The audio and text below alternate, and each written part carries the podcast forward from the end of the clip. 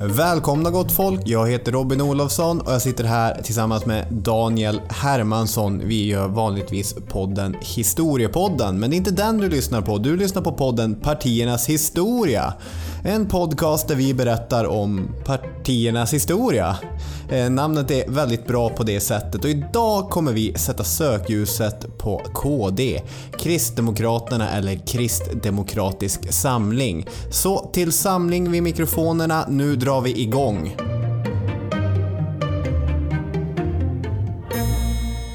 Ja, välkomna. Eh, ska vi stämma upp i, i psalm? Ja, det är ju de fördomarna man har när man pratar om, om kristdemokratisk historia. Vi får se hur mycket som, som finns i den. Jag hade en lite så här konstig känsla efter vi hade spelat in våra två första avsnitt i den här podcasten. Att jag, jag tyckte att det kändes ja, dels ovant men inte heller så, så bra. Eh, och liksom låg bara herregud, ska man, ska man stryka hela den här idén? Ska man skriva, skriva om? Det måste, allting måste ske på något annat sätt. Sen blev jag väldigt lugnad när jag lyssnade på en av mina favoritpodcasts heter The Modern Man med, med två N och den, den drivs av en, en brittisk eh, radiopersonlighet som heter Olly Mann.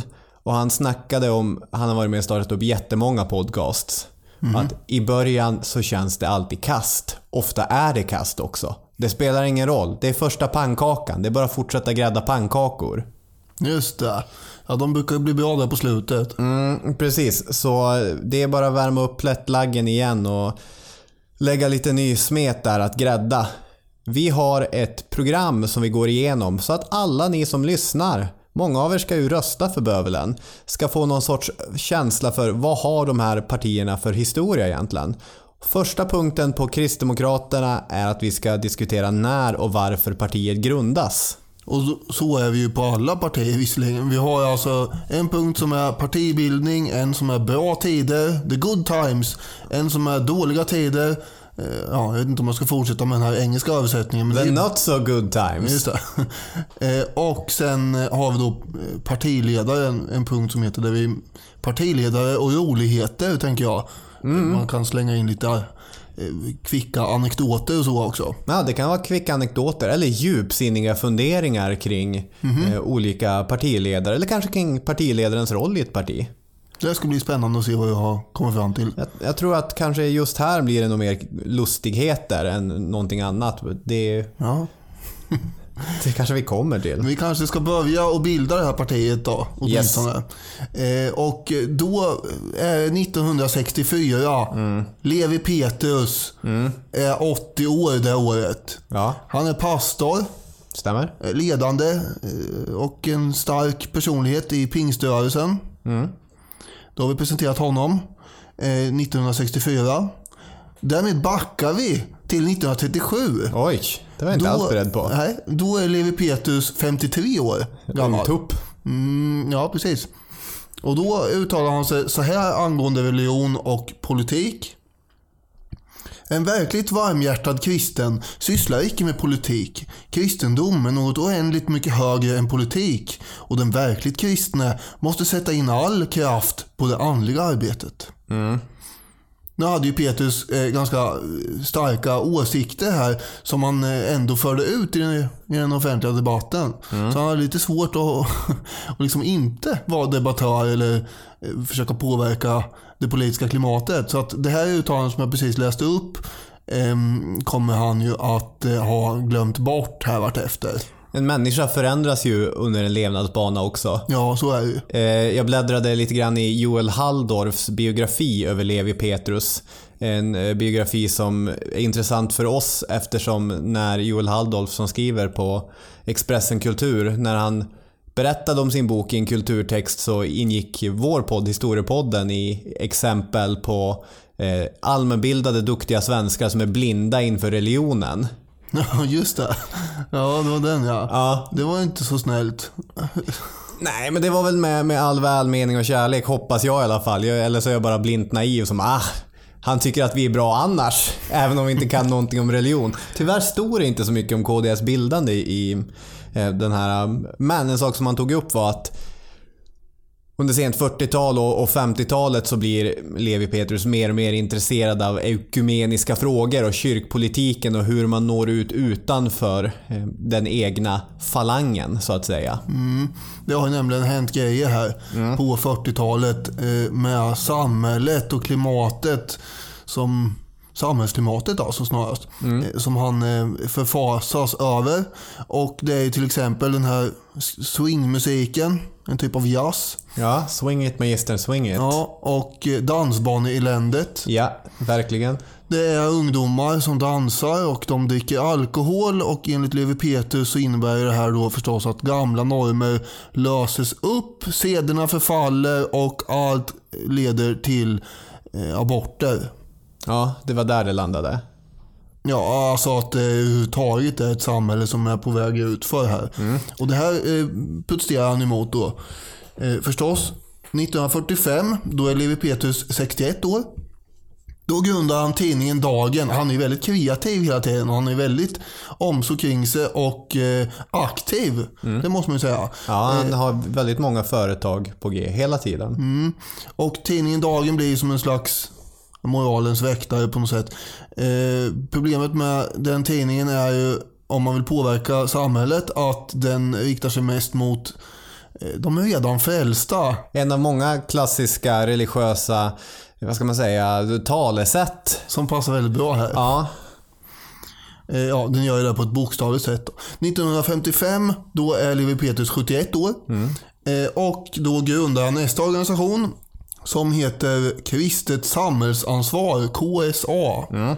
Den här organisationen ska delta och kommer att delta i debatter som anses viktiga och eh, har som mål att få in kristna representanter kan man säga i, i, och värderingar i de olika partierna. Tyvärr verkar den här organisationen ha haft ganska begränsad framgång. Eh, för 1963 då kommer då, det är ett år då det händer grejer. Och till slut så verkar Levi Petrus ha kommit fram till den här ståndpunkten att det, det, verkar inte gå på något annat sätt än att vi måste bilda ett kristet parti här. Mm. För att få samhället på rätt väg. Eh, och han ser ju då ett svenskt samhälle som är i skriande behov får man ju säga efter att hitta tillbaka till någon slags rötter. Eh, eftersom man har hamnat på moraliska irrvägar och sådär. Det är en väldig avkristning av samhället tycker jag sig se också. Mm. Vi har tre händelser. Ja, vad härligt att höra. Ska vi snacka Vilgot Sjöman? Som eh, talar för den här idén att bilda ett parti. Ja, han är ju en del av det hela. Ja. Vi har också framförallt en statlig utredning om gymnasieskolan 1963. Mm. Som eh, har, där har föreslagits att man ska ändra kristendomskunskap till religionskunskap, alltså ändra namnet på det då. Mm. Plus att man ska dra ner antalet timmar i ämnet. Eh, och det här är ju förstås en eh, uppsjö eh, fromma dignitärer som rasar emot. Mm. Det är präster och biskopar och pastorer som vänder sig ut och in i förtvivlan här. Över det här. Och att Sverige håller på att bli så avkristnat och så. Mm. Man samlar in en nationell en nationell eh, namninsamling där man får ihop 2,1 miljoner. Ja, jag hade... Precis, jag hade tänkt säga vad, vad, tror ni lyssnarna? Om vi, om vi bara är tysta ett tag och gissar. Hur många skriver på en protestlista mot minskat antal kristendomsundervisningstimmar? Men det är som du säger, det är 2,1 miljoner. Mm. Det är ganska mycket där får man säga. Ja, det är det. Eh, så folk är ju upprörda över det här tilltaget. Och eh, det här kommer man då lämna, eh, dumpa i knät på regeringen. Titta här har ni en bibba med papper som folk har skrivit på. Det är ganska många namn här. Ni kanske borde göra något åt det här. Så det talar ju för någon form av underlag här för de här värderingarna och åsikterna. Mm, precis. 1964 så hade ju Vilgot Sjömans film eh, 491 kommit också. En film som väckte väldigt mycket upprördhet i Eh, sin samtid. Inte konstigt det. Alltså det handlar om sex stycken ungdomsbrottslingar som eh, är lite på, vad ska man säga, på drift i, i Klara-kvarteren. Och det de gör är att de deltar i ett sorts socialt experiment där, eh, där det är fri fostran som gäller. Och bor tillsammans i en förfallen våning i Klara-kvarteren då som, vad heter den, pensionatet Sakligheten.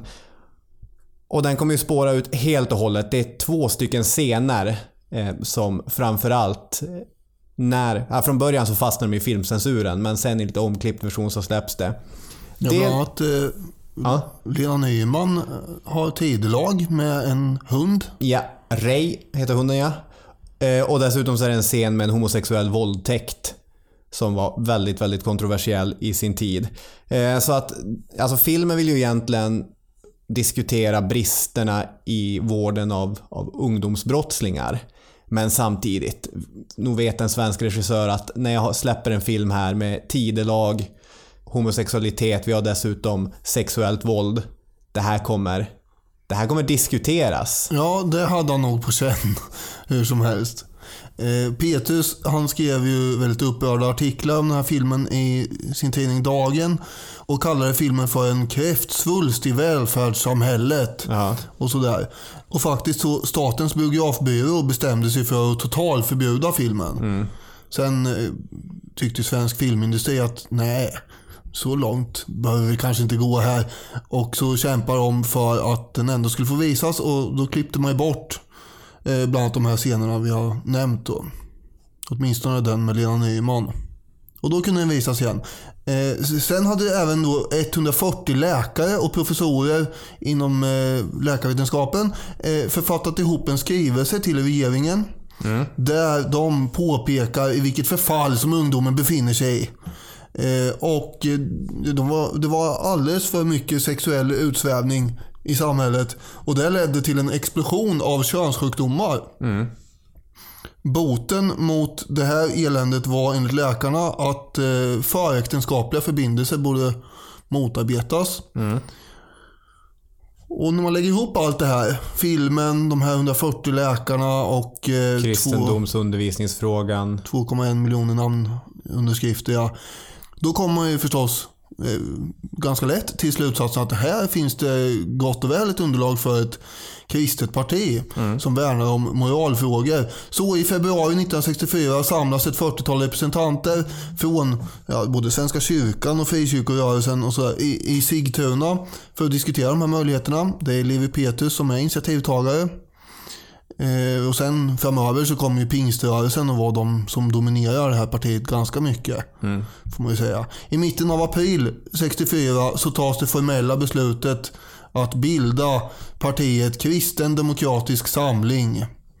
Och man väljer den 42-årige Birger Ekstedt som partiledare.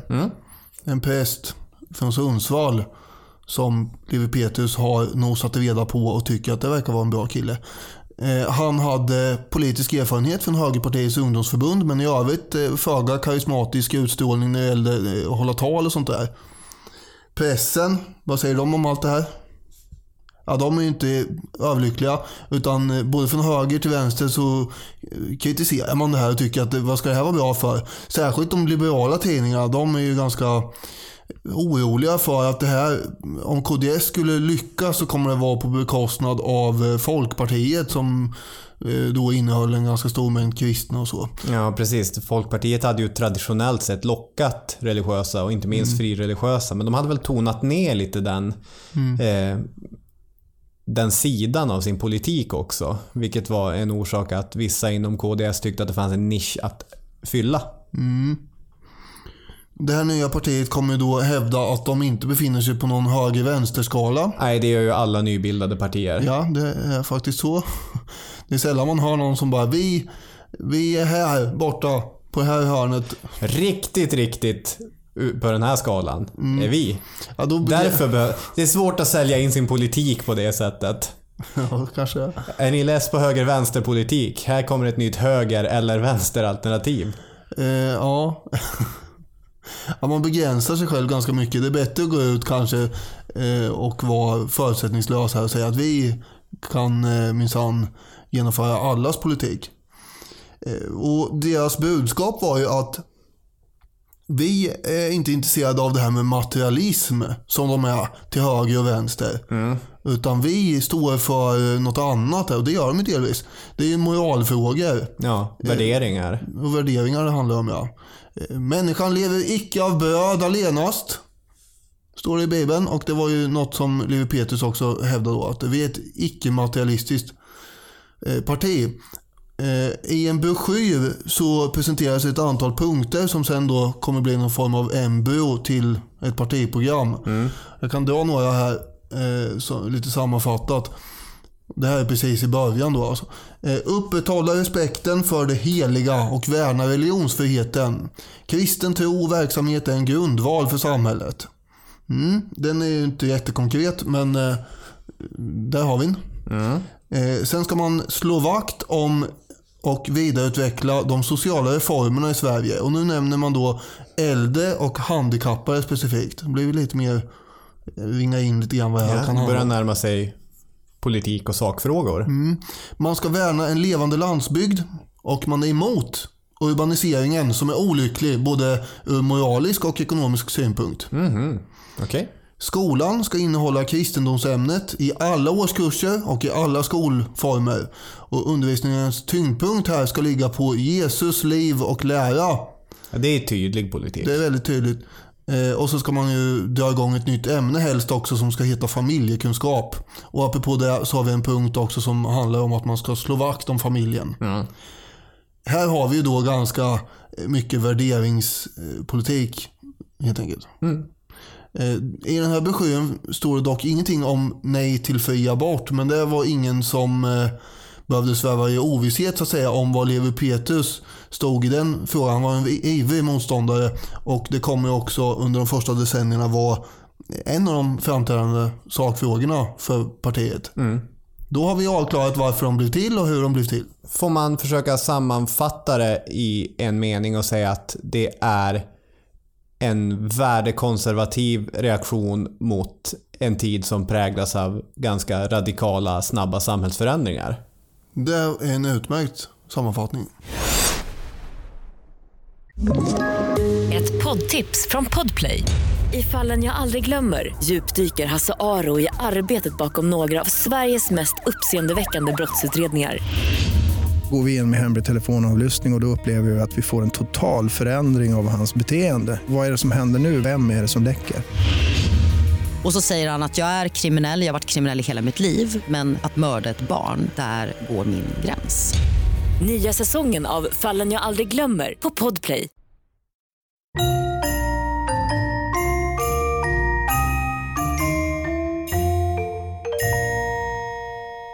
Okej, om vi ska diskutera vilka som var de goda tiderna och vilka som var de mindre goda tiderna.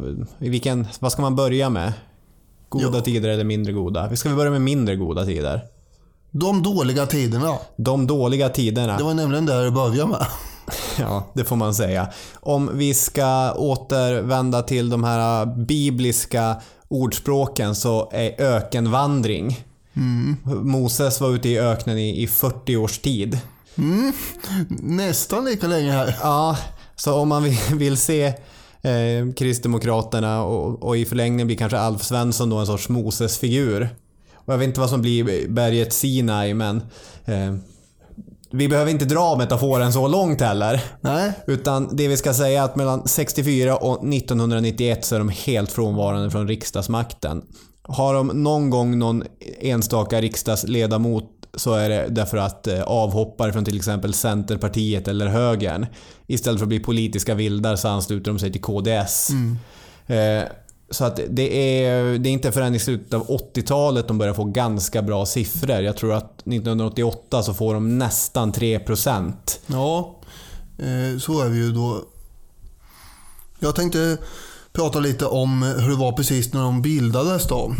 Är vi fortfarande under kategorin dåliga tider då? Ja, det får man ju säga. 1964 då. eh, Och vilka problem man eh, stötte på eh, omgående. Ja. Tidningarna hade ju som sagt kastat sig över det här under valrörelsen 64. Och lyckas också då hitta kopplingar till högerextremism i det här nybildade partiet. Och eh, det blev en debatt om den så kallade KDS-nazismen. Eh, Och den var ganska besvärande eh, förstås för partiet. Alla nybildade partier får ju något form av inflöde av människor som kommer från alla möjliga håll och kanske inte alltid har de åsikter som partiet i stort har eh, föreställt sig att de ska stå för. Nej. Vid de första mötena för, före partiets bildande så hade en, en Torsten suttit och varnat för invandring av icke-vita raser. Och en Lennart hade spridit antisemitiska flygblad på de här KDS-mötena. Ja. Både Torsten och Lennart satt dessutom med i partiets interimstyrelse. Ja. Och en interimstyrelse är en sån styrelse som finns innan det finns en riktig styrelse. Innan det liksom eh, är bildat något. Så där har vi dem. Eh, Sen har vi Harald Ljungström. Som 20 år tidigare hade skrattat du? Det låter som påhitt. Torsten, Lennart och Harald. Ja. Nej, de är högst eh, viktiga personer. Man, folk har hetat det. Ja, absolut. Ja. Harald Ljungström i alla fall. Han hade 20 år tidigare varit ordförande i Sveriges nationella förbunds eh, ungdomsrörelse. Och det var en rörelse som hade väldigt goda kontakter med Berlin. Eh, som även Berlin finansierade även eh, partiets tidning. Ja. Den här rörelsens tidning. Och när jag säger Berlin så förstår alla då att då pratar vi om eh, Hitler och gänget. Eh, Expressen nosar reda på allt det här eh, en månad före valet eh, 64 och trumpetar ut då i tin- sina tidningar eh, det här i väldigt braskande rubriker. Nazist i KDS-toppen. Och då är ju karusellen igång förstås i medierna och Ljungström eh, försöker ju desperat försvara sig och förklara att det här var ju min ungdom där. Och nu har jag ångrat alla de här rasistiska och antidemokratiska uttalandena jag gjorde. Men det var ju lite knepigt att manövrera sig ur den här situationen. Problemet var att Ljungström också var partiets första namn på valsedeln i Stockholm och sådär. Så han var ju inte vem som helst heller i partiet utan han har varit med och utformat den här broschyren som vi nämnde innan också. Så han hade ju en framträdande position. Och då skulle man kunna tänka sig här också att eh, en kommentar av Levi Petrus, Nestorn, eh, skulle rädda upp situationen. Eh, men istället så blir det nästan ännu mer förvirrat när han då skriver i tidningen Dagen så här. Nazismens aktivitet för att undanröja smutslitteratur och moralupplösande film med mera var det ju, inget, eh, var det ju inte något ont uti. Det var ju snarast det som gjorde att även kristna stödde deras program. Eh, Och då blir alla eh, så här, bara, jaha, okej, hur menar han här? Eh, Så då får han komma till TV nästa dag och då får han frågan om det är så att de kristna dragen i nazismen är av mer betydelse än de negativa dragen som fanns där. Det är en enkel fråga ändå. Ja, då svarar jag, det tycker jag. Nej, svarar man på den frågan. Levi Petrus svarar så här. Det kan jag inte yttra mig om. Jag känner så lite till nazismen. Men det som förts på tal är ju likheten mellan KDS och nazismen. Att de förbjöd sedlighetssårande filmer och sedlighetssårande litteratur. Det anser jag inte vara orätt. Det här hade de emot sig i början, så var det. Ja. Sen städade man ju ut de här eh, personerna som liksom, och de var inte så många heller som, eh, som media och rubriker och, och så vidare, debatten eh, fick det låta som. Nej. Alltså de första valen blev ju en stor besvikelse överhuvudtaget och det beror väl lite grann på det här att man hade en namninsamling, två miljoner svenskar tyckte att kristendomsundervisning var en viktig fråga. Men det är ju på samma sätt som att eh, 50% av svenskarna tycker att fungerande tågtrafik kan vara en viktig fråga. Men hur många skulle sätta fungerande tågtrafik som sin viktigaste valfråga? Rösta på ett tågparti. Ja precis, tågpartiet kommer inte hova in 50% av rösterna. Nej. Så att det är inte nödvändigtvis så att kristendomsundervisningsfrågan resulterar i 2,1 miljoner röster på kontot. Grejen var ju också att eh, man hade ju haft väldigt högt ställda förväntningar då, på grund av allt det där med namninsamlingar och sådär. Och så får man 1,8% i det här första valet. 75 000 väljare. Eh, och då blir ju besvikelsen enorm eftersom man hade tänkt sig så mycket mer. En kds i Norrköping hade ju före valet varit totalt tvärsäker på att eh, man skulle få eh, 30 mandat. Det var så gott som klara. Eh, och eh, förmodligen kunde man hoppas på 60 mandat. Ja. Det blev noll mandat i 30 år drygt. Högmod före fall.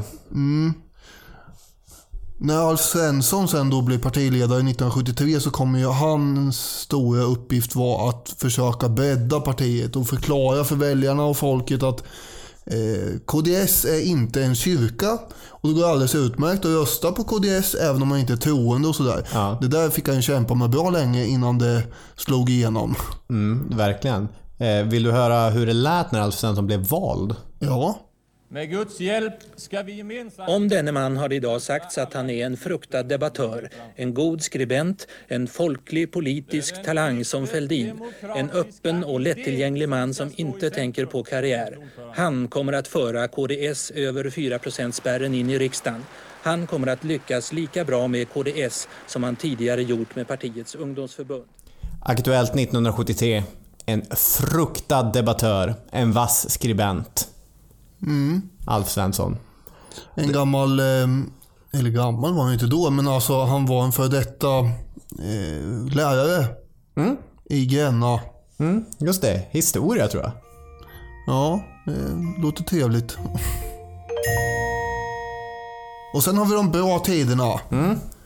Det här partiet har ju i större delen av sin existens så att säga haft som eh, största fiende den här erbarmliga, eh, djävulusiska 4%-spärren. Ja, det är en sorts eh, evig kamp däremellan. Vissa val har man ju dock varit på betryggande avstånd men i de absolut flesta valen har man antingen varit under eller eh, skrämmande nära. Man kom ju in med Alf Svensson faktiskt i, eh, i riksdagen då 1985 på grund av att man har ett valtekniskt samarbete med Centern. Det betyder alltså att KDS väljare ska inte rösta på KDS utan de ska rösta på Centern. Precis. Och Alf Svensson står uppskriven på Centerns lista. Ja, och det var han inte ensam om. Man hade hoppats att få in fler förstås KDS-are via eh, Centerns vallistor då. Men visst är det, det är bara Svensson som kommer in? Det är bara Svensson som kommer in. eh, och det, var ju, det här var ju en missräkning kan man säga. Ja. Och det fanns de inom Centern som var kritiska mot det här också. Bland annat eh, Kvinnoförbundet och Ungdomsförbundet tror jag. Som tyckte att, eh, för KDS var ju emot sambolagen som gjorde att det skulle vara lättare för människor att leva tillsammans även om de inte var gifta och sådär. Det föll inte alla centerpartister på läppen. Det här blev inte någon succé. Utan eh, 1988 så förnyas inte det här samarbetet. Däremot så ökar ju partiet då till 2,9% och det, blir, det är en tydlig ökning jämfört med innan. Mm, det är det. Och det här kan ju delvis bero på att Alf Svensson eh, har blivit både populär och ganska känd eftersom han har suttit i riksdagen. Men också andra kändisar som ramlar in i partiet som Eva Rydberg Oj. och eh, Alice Timander. Ja, där har vi hon. Ja, eh, de, var ju inte, de var ju mer affischnamn kanske, men de eh, sa tydligt att vi är kds är vi. Eh, dessutom hade ju både Miljöpartiet och KDS fått vara med i eh, tv-debatter och i utfrågningar och sådär, så de fick ju synas mer än tidigare. Hur mycket ligger till grund det faktum att Moderaterna har rört sig ut mot ett liberalt håll? Att det ligger... Alltså, ja. Nyliberalismen ligger i tiden, Moderaterna rör sig i den riktningen och det finns mer plats för att locka till sig konservativa väljare. Det spelar ju naturligtvis eh, en, en roll, kanske en ganska stor roll. Om, om jag får gissa. Om man har det i ena skålen och så har vi Alice Timander i andra skålen. Fast många bäckar små. Ja, för nu kommer vi ju till nästa val här som är 1991. Vad händer då? Men de blir invalda i Sveriges riksdag. Klang och jubelfest. Inte nog med det. 7,1 procent. Det blir dessutom ingen... Eller det blir plats i regeringen. Dessutom från ökenvandring in i Rosenbad på en gång. Ja, Det men- måste ju vara ganska omtumlande. Ja, verkligen. Men om det man får säga om en ökenvandring också, oavsett om den är 30 eller 40 år lång, är ju att man hinner få stenplattor, man hinner ha ganska många representanter som har suttit i kommuner och i landsting och man har byggt upp en politisk kultur. Alltså när Kristdemokraterna hamnar i, i riksdagen då finns det ju representanter. Det finns en partiledare som är väldigt eh, inarbetad. Det är inte som att Miljöpartiet eller Sverigedemokraterna som mycket snabbare hamnar i riksdagen och kanske har sämre eh, utbyggd struktur för att hantera det. Framförallt Miljöpartiet som kom in på efter sex år eller något sånt där som de hade funnits. Sju ungefär. Eh, ja, nej men Så är det ju, men sen hade ju också Svensson suttit då i riksdagen mellan 85 och 88. Han hade lärt sig hitta där. Ja, han Visste vart man hämtade Ramlösa. Ja, men, nej, alltså han var ju väldigt aktiv i att lägga motioner och det här gjorde han ju inte helt själv utan eh, han hade ju förstås hjälp av eh, partikollegor. Jag vet att Göran Hägglund bland annat eh, var med och hjälpte till. De fick ju sätta sig in i allt möjligt för eh, KDS skulle ju man behövde ju ha åsikter om mycket mer än de hade tänkt sig. Så det blev ju liksom som en prao-period inför det att de sen kom in i riksdagen. Ja. Man fick ju utreda saker och ting för sig själv där. Just det, det är som när Piratpartiet hamnar i EU-parlamentet och Ja. förväntas ha åsikter om, om annat än eh, fri information. Ja, ja det är knepigt det. Oj, oj, oj. Vad tycker vi där egentligen? Ja, ja, men de, eh, de lärde sig ju att hantera det där lite grann där. Och, Jag kommer ihåg någon gång när vi satt på, på någon, någon restaurang och, och pra, hade någon oerhört mossig diskussion som vi ofta hade. Och så sa du att eh, valet 98 så tog ju KD nästan 12%.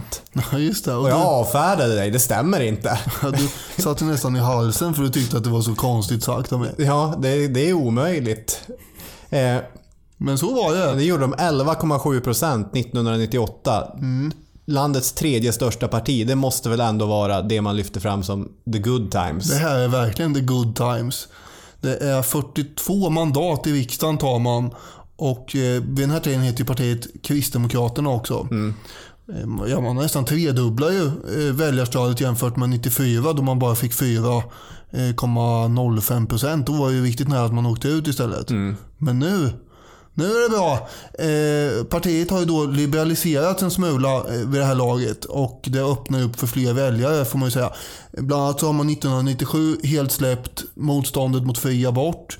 Eh, och det här med att skolan ska ägna sig åt eh, kristen fostran och sånt där, det är inte aktuellt längre utan nu är det mer att eh, liksom, undervisningen och skolan ska vila på kristen etik. Det är lite annat än att fostra eh, kristna människor. Mm. Den eh, historikern Tommy Möller skriver att rågången mellan politik och religion blev allt tydligare.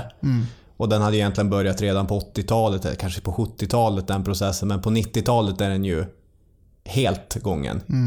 Alltså när KDS bildades på 60-talet då var man ju eh, för en eh, samlingsregering och sådär också. Eh, Det, är inte aktuellt heller längre utan nu har man blivit ett ganska tydligt borgerligt parti. Som markerar sig själv emot Socialdemokraterna som man tycker för en familjefientlig politik. Och familjen är något man gillar i KDS. Så då kan man ju inte hänga ihop med någon som, som är emot familjepolitik. Nej. Man. Tidigare hade man ju också haft en ganska miljö eh, miljö, vad ska man säga? Man hade varit emot kärnkraftverk helt enkelt. För att sammanfatta det snabbt. Eh, och eh, ivrig motståndare mot det hade bland annat Alf Svensson varit ju. Han sa att det var en moralisk självklarhet att stoppa de två reaktorerna i Barsebäck. Ja.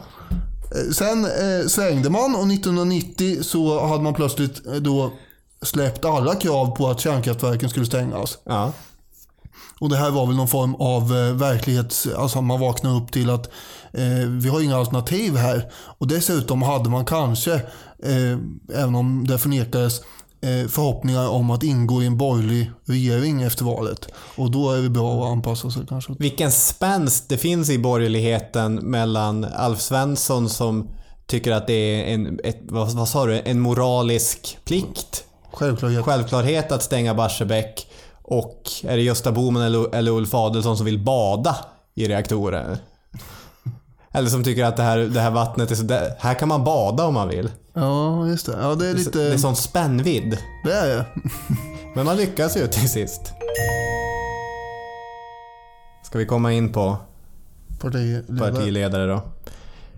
Vi är ju redan inne på, på den här punkten. För när man pratar om eh, partiledare och man pratar om Kristdemokraterna. Dels är det ganska lätt att hålla reda på dem för de har bara varit fyra stycken allt som allt. Ja, det är inte jättesvårt faktiskt. Nej, och det här att de bara varit fyra stycken beror ju i stor utsträckning på att eh, Alf Svensson är den svenska partiledare som har suttit längst tid på sin post. 1995 gled han om Tage Erlander. Tog över ledningen där och då hade han ändå nio år kvar innan han 2004 gick i pension. Ja. och halvpensionerad får man säga. För några veckor sedan så hade han DN Debatt och skrev att familjen, eller barnen, är den stora valfrågan. Ja, han har ju suttit i EU-parlamentet också. Men det är inte allt han har gjort. Han har även... eh, Ja, han hade ju gjort en skiva. Ja, vad jag har försökt. Åh, vad jag har grävt. Jag har varit på skivbutiker och jag dammsugit hela internet efter Alf och hans baryton. Men det har alltså, du måste meddela här att det låter som att du inte har hittat den. Nej, jag tror att den är från 1966. Det är då kristen musik. Alf och hans baryton och så spelar han tillsammans med, och vad hette han kanske? Bernhard och hans horn. Så att det är lite, det är lite Oj. vackert eh, blås och så är det Alf som sjunger in i en djup vacker baryton. Men det hade ju varit något. Ja, om någon lyssnare sitter och trycker på Alf och hans baryton får ni gärna eh, spe, alltså, spela in någon låt och skicka till mig. Jag vill gärna ha det. Ja, ja du var ju väldigt exalterad när du, när du berättade om det här. Jag har upptäckt att han har gjort en skiva. Ja. Men det där är häftigt i den frikyrkliga rörelsen att i och med att man har egna förlag och eh, egna skivbolag och allting att hur mycket man har gett ut i jättesmå editions. Det finns en ganska stark så här do it yourself kultur inom frikyrkan som, som är underskattad. Ja, dessutom så har... Jag vet inte hur jag ska lägga fram det här riktigt, men eh, ja, så här. När Alf Svensson blev partiledare 1973 så eh, var ju väldigt stor publicitet kring honom ändå. Och bland annat så förekom Svensson Ja. I... Håll oss inte på sträckbänken. Berätta. Han var utvikningspojke. Nej, det kan inte stämma. Ja, men det är ju jättekul, eller hur? Och det här, visste du det här? Ja, du sa det till mig tidigare. Igår Jaha, tror jag. jag kunde inte hålla. Erik Lindfelt har skrivit boken eh, Moralpartiet, en bok om KDS. Ja. Och det är den jag har bland annat då haft eh, mycket det kom mycket info därifrån. Den är ju från 91 så att det är eh, gammal kan man säga, historia om, om partiet men ändå. Ja. Innan de kom in i riksdagen. Eh, hur som helst, eh, när, vad, vad säger Petrus om det här då? Att hans partiledare har gått och blivit utvikningspojke. Ja, visste han väldigt lite om nazismen så tänkte jag han vet ännu mindre om utvikningsbranschen. Ja, eh, Lindfelt skriver så här. När Hänt i veckan gjorde Svensson till utvikningspojke ansåg dock troligen en och annan pingstant att det gått aningen för långt. Levi Petrus, som av tidningen Kvällsposten blev ombedd att kommentera bilden, förstod dock inte riktigt frågan. Den 89-årige väckelseledaren hade nämligen aldrig tidigare konfronterats med ordet utvikningspojke. Alf Svensson fick själv förklara för Petrus hur det låg till. När Nestorn fick klart för sig att det var iförd badbyxor som partiledaren hade poserat kom dock inga invändningar. Då badar du ju som folk gör mest, konstaterade Petrus. Ja, Ja, så var det med det. så var det med det. Sen måste vi väl säga någonting om Göran Hägglund givetvis. Ja, absolut. Är det någonting om eh, hans roll i Alliansen eller ska vi ha en diskussion om huruvida Göran Hägglund är rolig? Diskussion? Det är väl inget att diskutera? Han är ju hejdlöst rolig. Allvarligt talat, han är ju en... Eh, jag ser framför mig hur han sitter på kvällarna och knoppar ihop de här metaforerna och eh, ordvitsarna och så. De kommer också spontant verkar det som ibland. Eh, alltså han är ju han är ju en kul prick. Han är kvicktänkt. Eh, till exempel, det, bland det roligaste jag varit med om var ju när han hade en diskussion med Gustaf Fridolin om, eh, eller det, det var liksom sex timmars arbetsdag som skulle vara på tapeten. Ja. Eh, och jag kommer inte ihåg om jag, jag kommer tyvärr inte ihåg om jag såg det här på något sätt eller om jag bara läste det någonstans. Jag tror jag läste det. Men då, hade ju, då sa ju eh, Hägglund, eh, fråga Gustav först, han måste snart gå hem. Och jag satt och skrattade i flera minuter åt det här vet du. För att eh, Gustaf Fridolin är, ung. Nej, för att han, Miljöpartiet är för sex timmars arbetsdag. Det är ju jättekul. Så att han hinner inte svara på det här om, om han har gått hem. Nej. Ja, nej okej. Ja, men alltså, jag jag vet att jättemånga älskar Göran Hägglund och att det var sånt pepp inför varje Almedalstal. Ja. Oj, oj, nu kommer vitsarna fram här. Jag tycker att det finns något lite maniskt över det. Som en sån här skämtande morbror som man bara vill, vill ha ett, ett rakt svar. Vill, vill du ha morötter eller inte? Så jag behöver inte ha en lustighet till allting. Jag tycker att vi har eh, väldigt många eh, politiker som är alldeles för tråkiga. Jag saknar Göran Hägglund, eller sådana som Göran Hägglund i svensk politik, det kan jag säga. Jo, absolut. Det var ju till exempel eh, en, debatt i riksdagen om kostnadstak. Det finns ju massor med YouTube-klipp eh, med Göran Hägglund. Han håller olika metaforer och sådär. Eh, och det förvandlar ju Hägglund till någon form av historia om bilfärder. Och Lars Ohly, han vill inte ha något tak. Han åker nedkabbat och sådär. Och det var ju kul också att se hur de här politiska motståndarna, både Ohly, Mona Sahlin och Maria Wetterstrand, de satt ju där och, och skrattade och fnissade. De kunde inte låta bli. Liksom, det var, det var kul. Ja, nej, men visst absolut. Han är lustig och kvicktänkt. För att vara politiker. Ja, ja så kanske det är. Okej, då har vi sömlöst rört oss till den programpunkten där vi nyfiket gläntar på partiets egen dörr och skaffar oss ett insiderperspektiv. Jag sitter här med eh, Acko Ankarberg Johansson, partisekreterare för Kristdemokraterna. Välkommen till podden och tack för att vi fick komma hit. Hej! Eh, Den första frågan som vi brukar ställa till partierna den handlar om huruvida historien är viktig inom partiet och om partiets historia påverkar den riktning framåt som, som ert parti tar. Vad, skulle du svara på en sån fråga? Att historien är väldigt viktig. Vi startade ju 1964. Det var människor som fritt och frivilligt gick samman för att påverka samhällsutvecklingen. Den här kraften som finns i en folkrörelse när man går samman, den var viktig då och den är fortsatt viktig för oss. Det handlade om eh, att kristendomsämnet skulle tas bort ifrån skolan. Eh, partister tyckte att det var fel, men man lade också in vikten av att föräldrar får välja skola för sina barn. Så friskolefrågan kom ju väldigt tidigt i vårt parti, att man ska kunna välja för sina barn. Så den folkrörelse som då startade var ju förhållandevis liten i förhållande till de andra partierna, men den stod sig ju stark. Och det tror jag beror på just det här frivilliga engagemanget som är en folkrörelse. Det var viktigt då och det är fortsatt viktigt för oss. Tror du att det är viktigt för, för nya medlemmar som letar sig till Kristdemokraterna? Ja, jag tror det. För man kliver man in hos Kristdemokraterna så träffar man andra människor som brinner för något, som vill någonting. Vi är inget företag eller affär där man bara får ett medlemskap. Utan här kliver man in i någonting också där man är med tillsammans med andra och påverkar politik, pratar politik och träffar väljare. Mm. En annan sån fråga som vi har ställt då, det handlar om hur partierna förhåller sig till eh, problematiska idéer eller idéer som eh, i, vad ska man säga, samtidens eh, ljus ser lite mossiga ut. Eh, hur förhåller ni er till sådana eh, problematiska inslag som partiet har haft under historien? Mm. Det är ju lite olika saker det där tror jag. Dels är det ju kanske en fördel för oss som ett förhållandevis ungt parti. Vi har ju andra partier i Sveriges riksdag som har funnits i över 100 år. De bär med sig en annan historia. Jag tänker på tiden på 20-30-talet då riksdagen gav sitt godkännande till Herman Lundborgs start utav Rasbiologiska institutet. Det är ett arv som jag inte hade velat ha, men som jag vet att de partierna också måste förhålla sig till när man lever med det. Eh, Så varje parti har ju någonting i bagaget, antingen som man måste förstå utifrån sin tid, men också som man idag har ändrat åsikt om. Eh, sen har vi åsikter där vi har förändrat politiken genom långsamma demokratiska processer och det tycker jag är naturligt för ett parti. Men däremot vill jag nog påstå att vi aldrig har tappat våra rötter. Vår politik bygger på kristna värderingar och de har vi behållit över åren. Mm. Eh, när jag pratade med, med Liberalerna så var de inne på det att ibland kan man ångra att man inte förändrade snabbt nog. Jag vet inte vilken idé ni, ni själv tycker att, att Kristdemokraterna står för men i, i någon mån är det ju ett konservativt parti. Kan det vara en sån, ett sånt problem?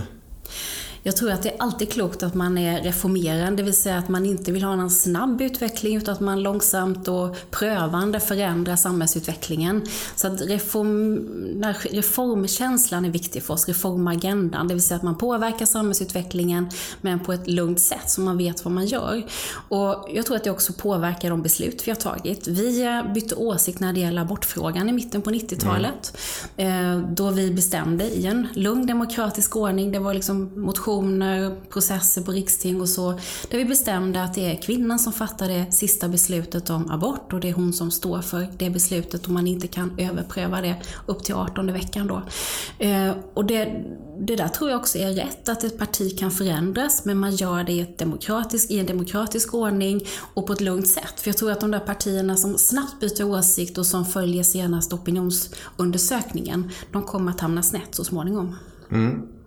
Avslutningsvis då, en sak som jag tycker är intressant är att fråga om har du varit med om att andra partier, andra politiker angriper dig och ditt parti med historiska argument? Eh, det har hänt, men det beror ju på om de är sanna eller inte. Ibland har man ju en bild av vad som har hänt som inte är korrekt och ibland kan man ha en korrekt bild. Så jag, som alltid ska man först pröva, är det sant det som påstås? Och sen så också tillstå det att man kan ha förändrat, men också berätta om hur det gick till. Mm. Då är jag nöjd med, med de svaren. Tack så mycket för att vi fick komma hit. Tack så mycket. Känns det bättre nu när vi har gjort ett tredje avsnitt? Ja, jag tycker att det här är det starkaste avsnittet hittills. Det tycker jag. Eh, och, ja, men det börjar kännas mer bekvämt. Okej, vad skönt. Då kanske vi kan göra ett fjärde också. Ja, vi, får, vi ger oss på det. Får se om det går. Ja. Ha en bra vecka. Ta det lugnt där ute. Hej, hej.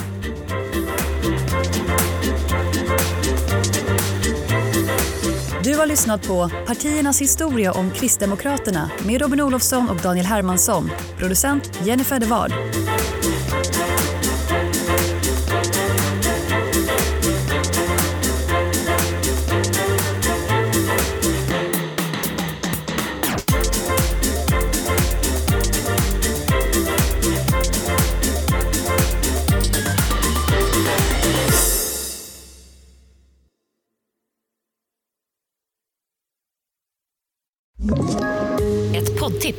Podplay.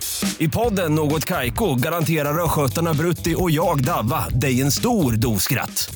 Där följer jag pladask för köttätandet igen. Man är lite som en jävla vampyr. Man har fått lite blodsmak och då måste man ha mer.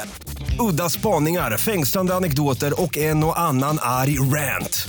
Jag måste ha mitt kaffe på morgonen för annars är jag ingen trevlig människa. Då är du ingen trevlig människa, punkt. Något Kaiko, hör du på Podplay. Därför är gardinerna.